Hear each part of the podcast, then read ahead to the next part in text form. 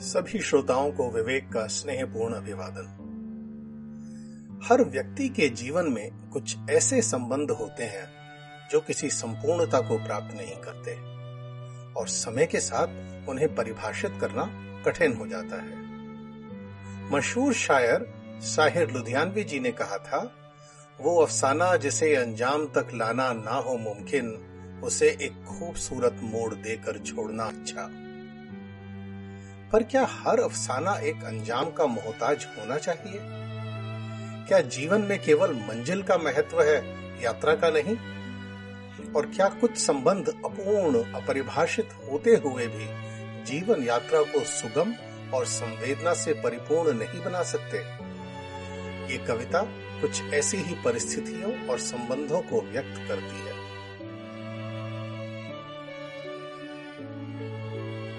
हम दोनों नदिया के तीरे, मध्य हमारे अविरल धारा। अलग अलग अपनी दुनिया पर अनाद्यनंत रहे साथ हमारा।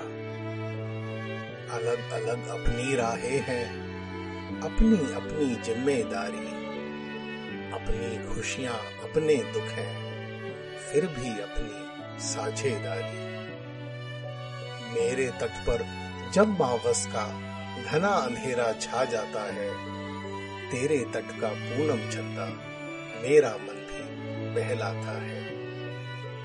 तेरे तट पर जब आंधी में पुष्प लताएँ सिहराती हैं, मेरे तट के वट वृक्षों की शाख उधर ही बढ़ जाती है।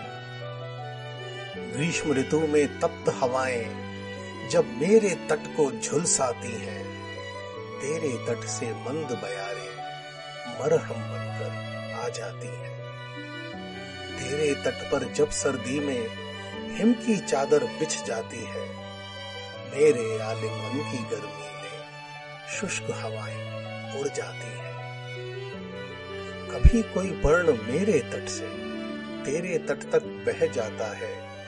अनकही बातों को मेरी कान में तेरे कह जाता है। और कभी हवा का झोंका तेरे तट से आ जाता है। तेरी श्वासों की खुशबू से मेरा तट महका जाता है। एक तट पर एकाकीपन की नीरवता जब छा जाती है, दूजे तट से एक सोन चिड़ैया गीत हर्ष के गा जाती है। नहीं किए कोई वादे हमने, कोई वचन ना तोड़े हैं। जीवन की ये बहती नदियाँ हम दोनों को जोड़े हैं। यदि आपको यह कविता अच्छी लगी और आप मेरी अन्य कविताओं को सुनना चाहते हैं तो आप मेरे पॉडकास्ट को अपने मनपसंद ऐप पर सब्सक्राइब कर सकते हैं। नीचे दिए लिंक से आप मुझे वॉइस मैसेज भी भेज सकते हैं। If you like this poem then consider sharing and subscribing to my podcast on your favourite platform you can also send a voice message to me by clicking at the link given below